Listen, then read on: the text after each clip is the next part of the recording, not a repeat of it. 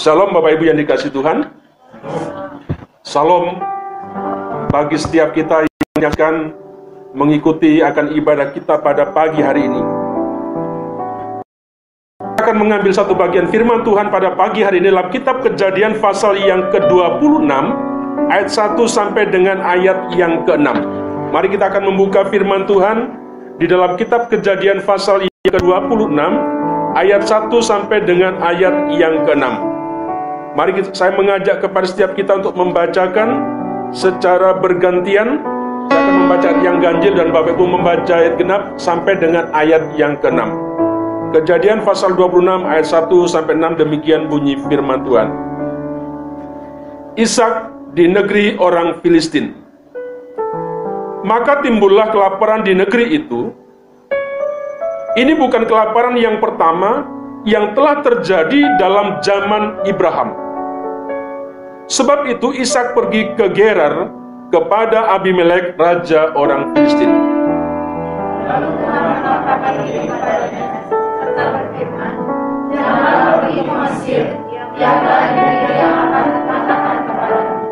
Tinggallah di negeri ini sebagai orang asing, maka aku akan menyertai engkau dan memberkati engkau, sebab kepadamulah dan kepada keturunanmu akan kuberikan seluruh negeri ini.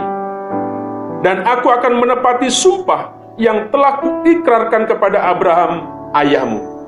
Aku akan membuat banyak keturunanmu seperti Aku akan keturunanmu seluruh negeri ini, dan oleh keturunanmu karena Abraham telah mendengarkan firmanku dan memelihara kewajibannya kepadaku, yaitu segala perintah, ketetapan, dan hukumku. Amin. Berbahagia Bapak Ibu Saudara yang membaca firman Tuhan terlebih kepada setiap kita yang melakukan akan firman-Nya. Ayat yang pertama dikatakan, maka timbullah kelaparan di negeri itu. Ini bukan kelaparan yang pertama yang telah terjadi dalam zaman Abraham. Sebab itu Ishak pergi ke Gerar kepada Abimelek, raja orang Filistin. Bapak Ibu Saudara dikasih Tuhan, saya memberikan tema pada pagi hari ini, adakah iman dalam situasi ekonomi yang sukar? Adakah iman kita dalam situasi ekonomi yang sukar seperti sekarang ini. Nah, Bapak Ibu yang kasih Tuhan, tidak terasa apa yang kita alami dalam beberapa bulan ini, kalau tidak salah mungkin sudah sudah berjalan 4 bulan tentang COVID-19 yang merambah tidak hanya Indonesia, tetapi seluruh dunia, Hal ini memberikan sebuah dampak. Salah satunya yang berkaitan dengan ekonomi. Dan kita tahu semuanya bahwa tidak hanya kita, tetapi negara-negara lain juga mengalami hal yang sama.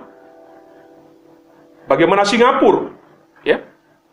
Bagaimana Uni Eropa, bagaimana China, ya? Banyak negara-negara lain yang lain yang mengalami hal yang sama seperti apa yang hari ini dalam di tengah-tengah negeri kita. Tidak hanya itu saja. Kita tahu, kita mendengar, bahkan kita menjadi seorang seorang seorang korban. Berapa banyak orang-orang yang di PHK? Berapa banyak orang-orang yang dirumahkan karena dampak daripada COVID ini? Perusahaan tidak berani. Ada yang gulung tikar, tutup semua usaha. Mau tidak mau, perputaran uang, ekonomi menjadi masalah yang tidak mudah. Saya tidak tahu berapa banyak orang-orang yang di Kerawang ini yang mengalami hal yang seperti ini. Menurut data yang saya baca di Jakarta ada sekitar 500 ribu orang yang di PHK dan dirumahkan. Ya. Bahkan apa namanya? Bappenas itu memprediksikan tahun 2021 nanti pengangguran kita semakin mending meningkat. Nah, Bapak Ibu Tuhan, situasi sulit yang seperti ini tidak hanya berimbas kepada yang lain, tetapi juga berimbas kepada kita-kita orang Kristen.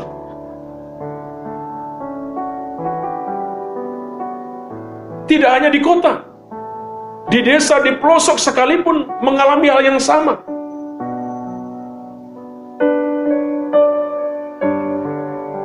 Mau hajatan tidak boleh seperti kemarin kami ke Jawa tidak boleh. Ketat sekali. Di mana-mana di kampung harus pakai masker. Protokol kesehatannya harus seperti itu. Kalau tidak, suruh pulang. Masuk intasi pemerintah ke bank, tidak pakai masker, suruh pulang. Bapak Ibu dikasih Tuhan, itu yang sedang terjadi, tidak hanya bagi orang lain, tetapi kita orang Kristen juga mengalami hal yang seperti ini.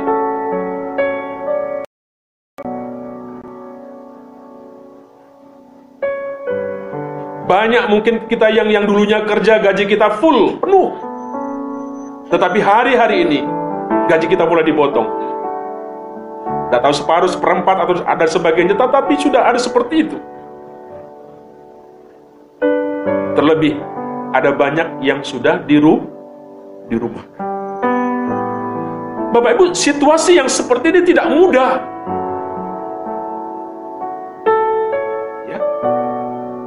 Tidak mudah untuk dihadapi oleh siapa saja.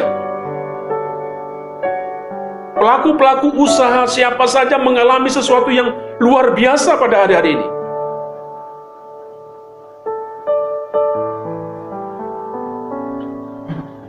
Saya mengutip satu perkataan daripada Arman Latif ya. Dia mengatakan seperti ini. Bahwa kehilangan pekerjaan itu tidak saja mengakibatkan krisis spiritual. Ya. Tidak hanya kehilangan pekerjaan itu tidak saja mengakibatkan sebuah krisis rohani, spiritual yang berat dari seseorang yang apa namanya, yang sudah ter, terambil, terenggut tadi gajinya sudah kepotong dulunya pula sebagainya kemudian dirumahkan. Itu tidak hanya mempengaruhi pada spiritualnya saja tidak ya. Tetapi juga ia merasa merasa putus asa. Dari mana? Dari hubungan yang wajar dengan sesamanya. Mungkin ada yang merasa ber, mengatakan bahwa saya tidak berarti. Saya tidak dihargai saya tidak dihormati dan sebagainya tidak hanya membawa sebuah krisis kerohanian, tetapi itu juga berdampak dalam kehidupan setiap kita.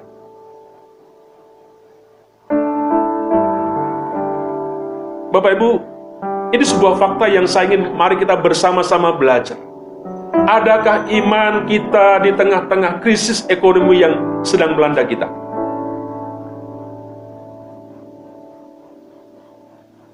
Nah, apa yang kita baca tadi Bapak Ibu?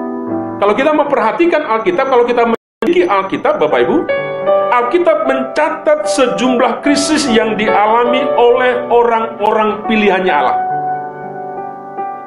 Halo, kalau hari ini kita mengalami, ini bukan sesuatu yang baru. Alkitab sudah mencatat, Alkitab sudah memberikan kesaksian ke setiap kita.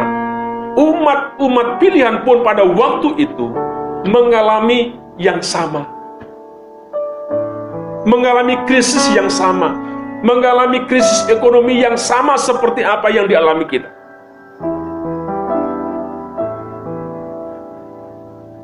Kalau kita mem mem membaca kitab kejadian Bapak Ibu pasal yang ke-20 ke-12 ya.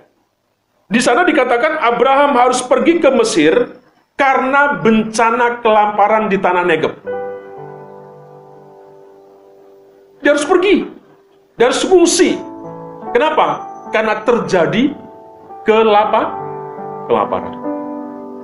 Nanti bisa dilihat dalam kejadian 12, Bapak Ibu bisa baca di situ. Saya tidak tidak tidak tidak tidak membahas hari ini tentang tentang apa yang diperbuat Abraham, apa yang diperbuat Ishak. Kalau 12 di sana diceritakan hanya hanya ayat yang pertama yang dikatakan seperti itu, tetapi isinya kemudian ketika istrinya cantik, si Abraham tidak mau mengaku dia istrinya, takut nanti dibunuh. Dia hanya berkata ini saudaraku. Saya tidak membahas apa yang menjadi responnya. Tetapi yang yang penting yang ingin saya saya katakan bahwa krisis itu tidak hanya hari ini terjadi. Kita sudah diajarkan, Alkitab sudah mencatat kepada setiap kita. Bukan barang yang baru. Ya. Nah, bagaimana dengan Ishak? Ishak juga mengalami hal yang sama pada pada masanya. Ya. Abraham, Ishak juga mengalami hal yang sama, ada terjadi kelaparan. Akhirnya dia pergi ke Gerar.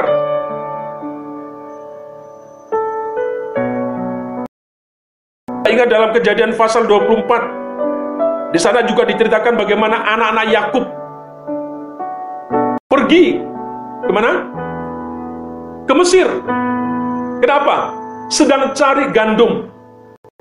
Artinya apa? Pada waktu itu, pada masa itu, juga terjadi sebuah krisis secara ekonomi. Sehingga anak-anak daripada Yakub harus pergi ke Mesir untuk mendapatkan makanan. Walaupun nanti endingnya Bapak Ibu, apa yang terjadi tentang rencana daripada Tuhan di setiap yang namanya sebuah peristiwa. Tetapi itu yang sedang yang sedang terjadi. Itu yang kita alami mungkin hari-hari ini seperti itu.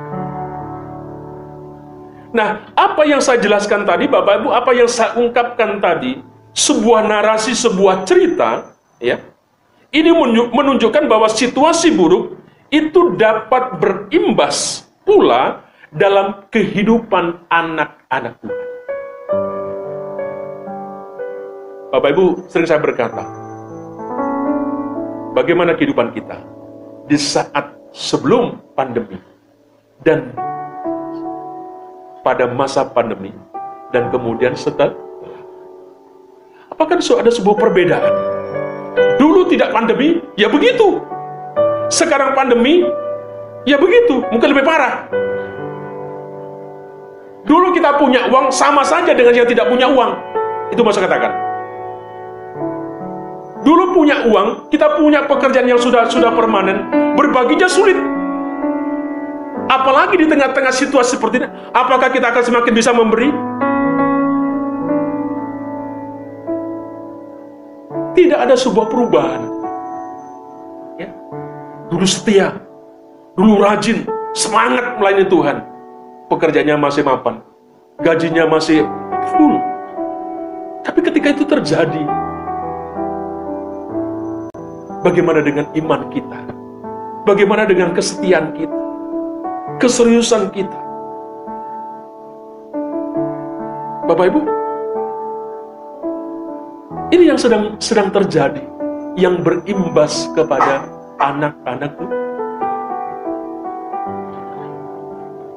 Kemudian pertanyaannya Bapak Ibu Saudara, lantas apa yang kita pelajari dalam Alkitab untuk menolong kita di dalam menghadapi situasi-situasi ekonomi yang sukar.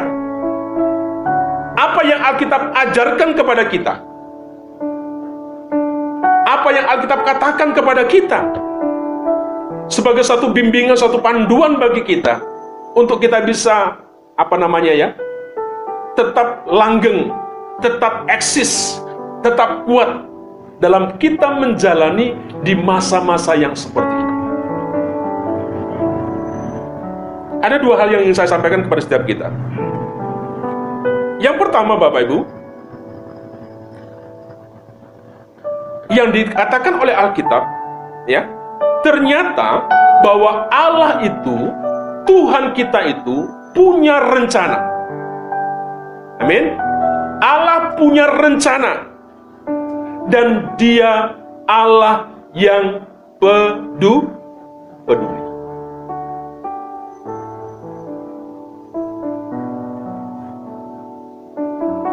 Saya tidak tahu. Kalau kita tidak mengalami COVID, apakah kita beribadah di tempat ini? Ya, saya tidak tahu. Tetapi karena COVID, akhirnya kita bisa ibadah sampai hari di tempat. Saya tidak, pernah membayangkan. Saya hanya waktu-waktu terjadi di masa-masa yang seperti itu, kadang saya berkata, Tuhan sepertinya kami di tempat ini tidak mungkin untuk kami bisa beribadah dengan dengan tetap, apalagi membangun dan sebagainya. Tapi Tuhan bawa di tengah-tengah seperti itu. Gedung dan sebagainya yang punya fasilitas tidak bisa dipakai. Tidak ada gunanya. Tetapi bagi kita di tempat ini Tuhan buat sesuatu yang berbeda.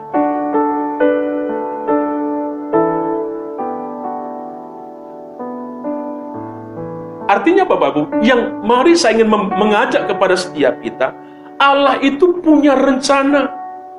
Allah itu peduli bagi kehidupanmu, bagi kehidupanku. Bagi setiap kita yang percaya, yang mengasihi Tuhan. Sebab itu Bapak Ibu mari.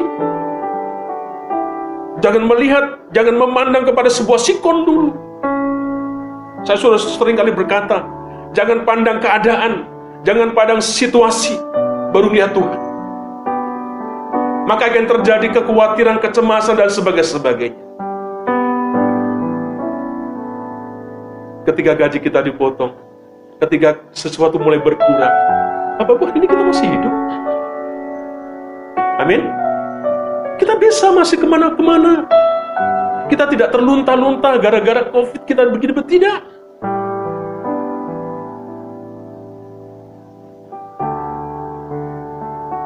Nah, itu yang pertama bahwa Allah punya rencana dan Allah peduli dalam kehidupan setiap kita. Nah, ketika kita kita ketika kita menyadari hal ini Bapak Ibu, seharusnya kita, kita terhibur bahwa Allah punya sebuah rencana dalam kehidupan setiap kita. Allah tidak tidak pernah pusing dengan kehidupan kehidupan kita. Dia mengerti betul, dia tahu betul apa yang dia harus kerjakan, apa yang harus dilakukan. Bahkan bagi gerejanya ada caranya Tuhan yang bisa dia kerjakan. Bapak, Bu, makanya betul apa yang dikatakan. Kalau Tuhan sudah memulai, tidak ada satupun orang yang bisa menutupnya. Amin. Kenapa? Karena Allah punya rencana. Karena Allah peduli. Saya percaya Bapak Ibu kalau hari ini gereja kita masih ada. Ada banyak orang-orang yang percaya yang punya air mata dan berdoa untuk kita. Kita-kita yang yang sungguh-sungguh yang serius kalau tidak, maka pekerjaan Tuhan ini juga akan tutup.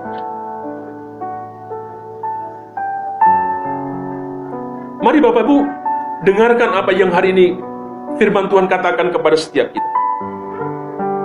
Ingat segala sesuatu ya yang terjadi di dunia ini semuanya itu ada berada dalam kedaulatannya Tuhan. Semua yang terjadi dalam dunia ini ada dalam kedaulatannya Tuhan. Ada dalam kekuasaannya Tuhan. Kenapa sih? Kok kita kok bisa? Saya tidak tahu. Tetapi saya percaya ada kuasa, ada kedaulatan Tuhan atas setiap umatnya, atas gereja, gereja. Bapak Ibu, ini yang perlu yang kita sungguh-sungguh mari kita pegang kuat seperti itu. Termasuk juga dalam krisis. Termasuk juga dalam goncangan ekonomi yang sedang terjadi hari-hari ini.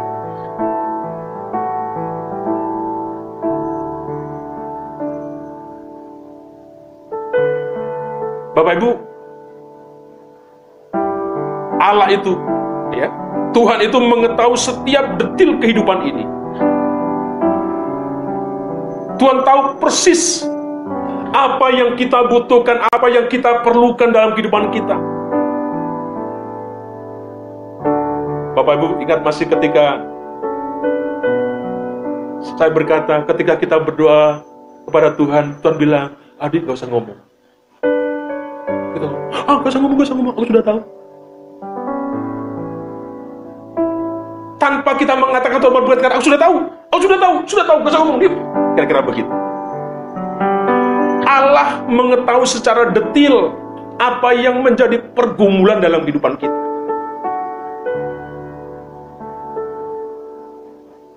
Engkau yang sakit, kerinduanmu untuk sembuh.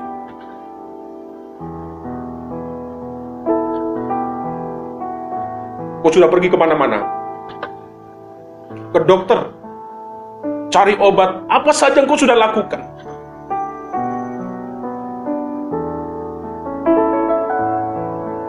Bapak Ibu, ingat satu Tuhan itu berdaulat. Tuhan yang punya kuasa atas kehidupan kita.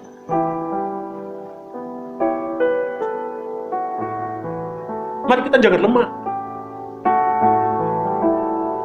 Jangan mempertanyakan sesuatu kepada Tuhan.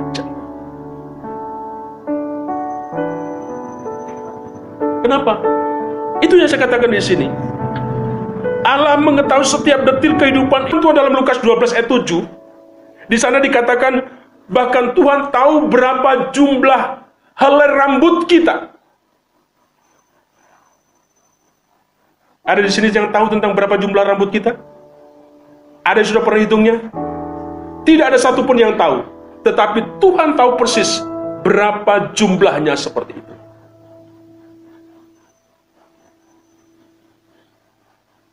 Bapak Bu, saya ingin mengajak kepada setiap kita untuk kita tidak merasa putus asa. Karena Allah kita sungguh-sungguh luar biasa yang seperti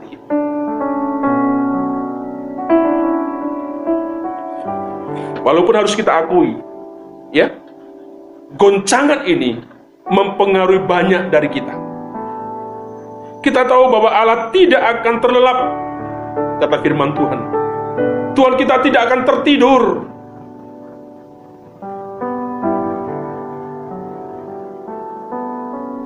Saya percaya Bapak Ibu, ketika dia berfirman, ketika dia berkata dalam kehidupan kita, dalam segala sesuatu yang kita hadapi, yang kita alami, entah itu sakit, entah itu hal yang ekonomi, kalau Tuhan bisa berfirman, kalau Tuhan bisa ber, berkata, dia mau berkehendak, pasti semuanya akan jadi.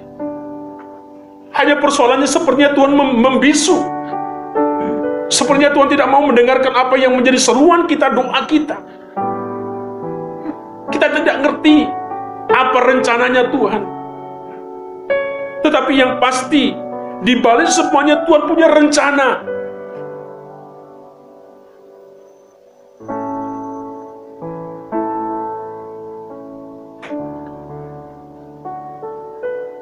Bahkan dikatakan Allah kita tidak tertidur.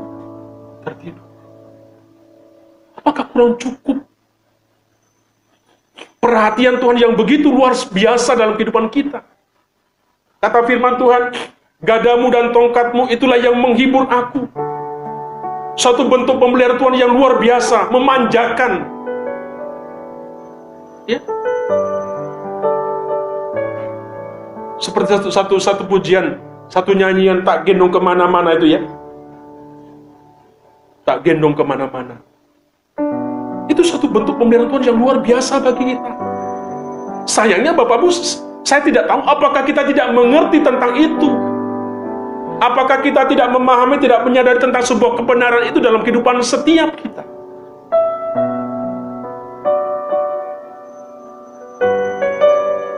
Mari Bapak Ibu, ketika kita mendengarkan firman Tuhan ini, ada sukacita, ada kekuatan yang terus mempercayai kita. Kita tidak rapuh percayaan kepercayaan kita kepada Tuhan. Iman kita tidak tergeser oleh sesuatu apa pun. Ketika Abraham diminta oleh Tuhan anaknya dipersembahkan, kurang lebih 25 tahun dia menunggu waktu yang lama. Tapi Tuhan minta untuk dipersembahkan. Itu tidak mudah. Mungkin seperti kita 25 tahun Tuhan. Tetapi firman Tuhan berkata, Abraham memberikan putranya untuk dipersembah. Dia apakah dia berpikir, oh ya nanti kalau aku kasih, aku diganti. Tidak, berat. Tetapi itu yang dilakukan oleh Abraham. Mari Bapak Ibu yang dikasih Tuhan, engkau yang di tempat ini, engkau yang di menyaksikan akan program ini, kebaktian ini Bapak Ibu, dengarkan Allah berjanji kepadamu ya bahwa Tuhan akan memenuhi segala kebutuhan kita menurut ke kekayaan kemuliaan dalam Yesus Kristus. Itu janji Tuhan. Itu yang harus kita camkan, itu yang harus kita pegang hari-hari ini di tengah-tengah seperti itu. Yang kedua, yang terakhir, apa yang diajarkan dalam situasi yang seperti ini. Ya. Bapak Ibu kita perlu untuk bijaksana. Dan kita harus bertanggung jawab. Dalam krisis seperti ini, kita harus bijaksana dan bertanggung jawab. jawab.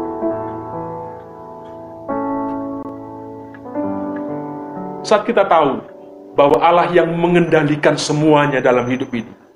Ya. Yang memelihara kita.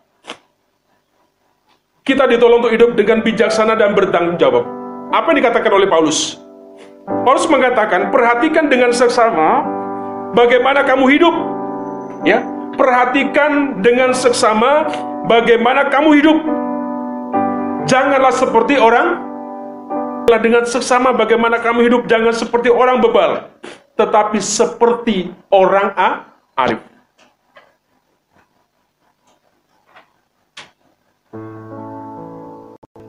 Dengan dengan apa bahasa yang lembut. Sebenarnya Tuhan ingin mengatakan seperti ini. Tuhan ingin mengajak kepada kita untuk kita melihat kembali bagaimana kita ini mengelola hidup dari peristiwa yang terjadi, Tuhan ajar untuk kita bisa mengelolakan hidup.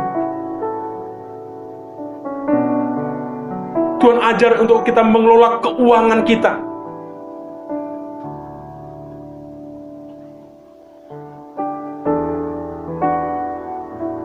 Tuhan mengajar mana yang yang yang lebih utama dari peristiwa seperti ini.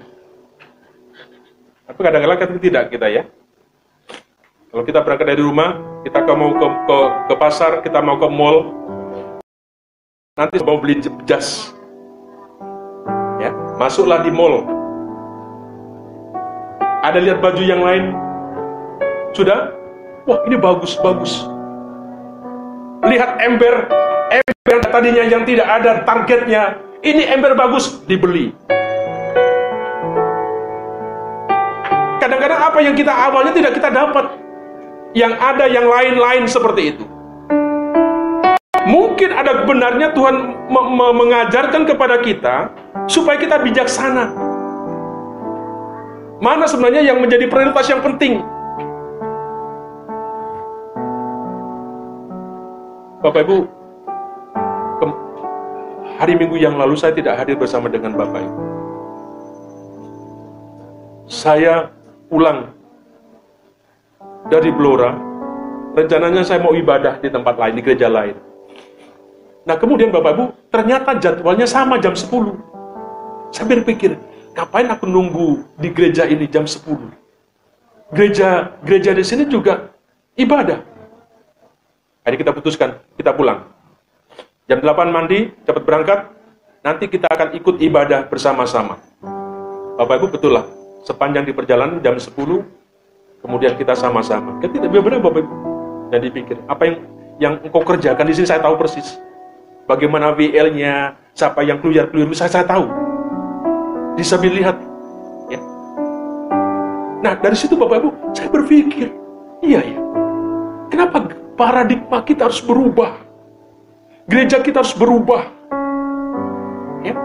Kita tidak hanya memberkati orang-orang yang sedang di sini, tetapi orang-orang yang ada di Blora di sana bisa melihat ada orang yang di Ambon zamannya Pak Lodi, dia tahu Pak Lodi hari ini main di sini.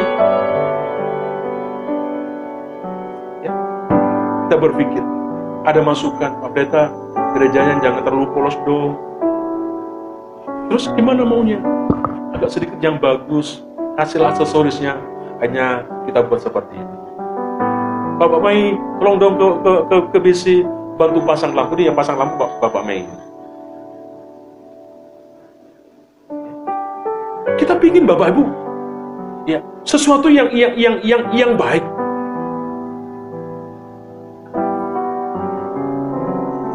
Pendeta, bajunya jangan jelek. Kan pendeta harus harus jajan biar kelihatan keren begitu. Ya. Kenapa? Ada sesuatu. Ya, bukan kita pamer tidak, kita ingin memberkati. Ngapain Pak Pendeta kita buat begini-begini persembahannya nggak masuk? Paling yang masuk di sini-sini, siapa bilang? Teman saya bilang kemarin, Pak Pendeta, Pak Pendeta, terus saya ngasih persembahannya bagaimana? Ada nggak oponya? Kata begitu, siapa opo itu? Saya nggak ngerti. Ada yang ngomong begitu. Saya sudah ngomong kepada nanti kepada kepada bagian apa bagian IT-nya. Ketika pengumuman nanti ada ditampilkan di situ, ya kita sedang membangun butuh dana. Bagi bapak ibu yang memba ini masukkan di rekening ada upu di situ. Ternyata ada saja. Jika pikiran kita tidak pincik ya bapak lu lu, lu aja lu lu lu, lu begitu tahu tidak. Ya mari bapak ibu kasih Tuhan. Mungkin ini yang diajarkan Tuhan. Ini yang dimau oleh Tuhan kepada setiap kita. Untuk kita ini perlu bijaksana kita perlu bertanggung jawab Rasul Paulus belajar untuk mencukupkan diri. Ya. Dari segala sesuatu yang ada, aduh Pak Pendeta ini kecil. Gajinya tidak cukup, pendapatan nggak cukup. Berapa yang cukup, Bu? Kalau kita tanya, kalau Tuhan tanya, berapa Mama Mei yang kira-kira gajimu cukup, suamimu cukup? Kadang-kadang kita juga nggak ngerti, nggak tahu. ya ada yang muncul banyak banyak banyak apa binatang banyak itu yang ini. Karena kita tidak tahu begitu.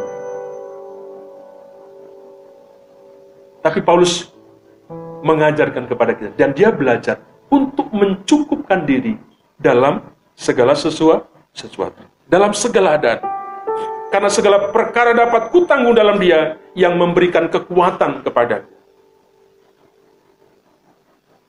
Mari Bapak kasih Tuhan yang menjadi kesimpulan. Apa pun yang sedang terjadi hari-hari ini dalam kehidupan kita. Resesi ekonomi yang terjadi di tengah-tengah mungkin keluarga kita, kehidupan kita. Ya. Mari ingat apa yang dikatakan oleh firman Tuhan hari ini kepada kita. Ingat betul apa yang dikatakan oleh firman Tuhan. Allah berjanji takkan membiarkan. Allah berjanji tidak akan meninggalkan kita. Meskipun mungkin hari-hari ini kita mengalami kesulitan. Yang pasti dia Allah akan menolong kita dengan cara dan waktunya yang Tuhan mau. Ya. Seperti sebagaimana Allah telah menyelamatkan kita, ya. Jiwa kita dengan ajaib. Dia teramat sanggup untuk menguatkan kita supaya kita tetap beriman, ya, di tengah kegoncangan ekonomi yang sulit seperti. Mari, di mana pun kau berada, Bapak Ibu Jemaat Tuhan, satu pertanyaan, adakah iman di tengah-tengah situasi yang sulit seperti ini. Bila dengan kebenaran firman Tuhan yang saya sampaikan hari ini sungguh-sungguh menguatkan Bapak Ibu, memotivasi Bapak Ibu, sehingga Bapak Ibu akan terus berjalan seperti apa yang Mari kita tunduk kepala, kita bersama-sama berdoa.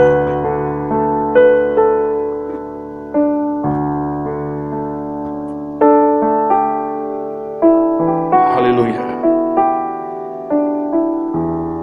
Saya minta Ibu Magna mewakili kita dalam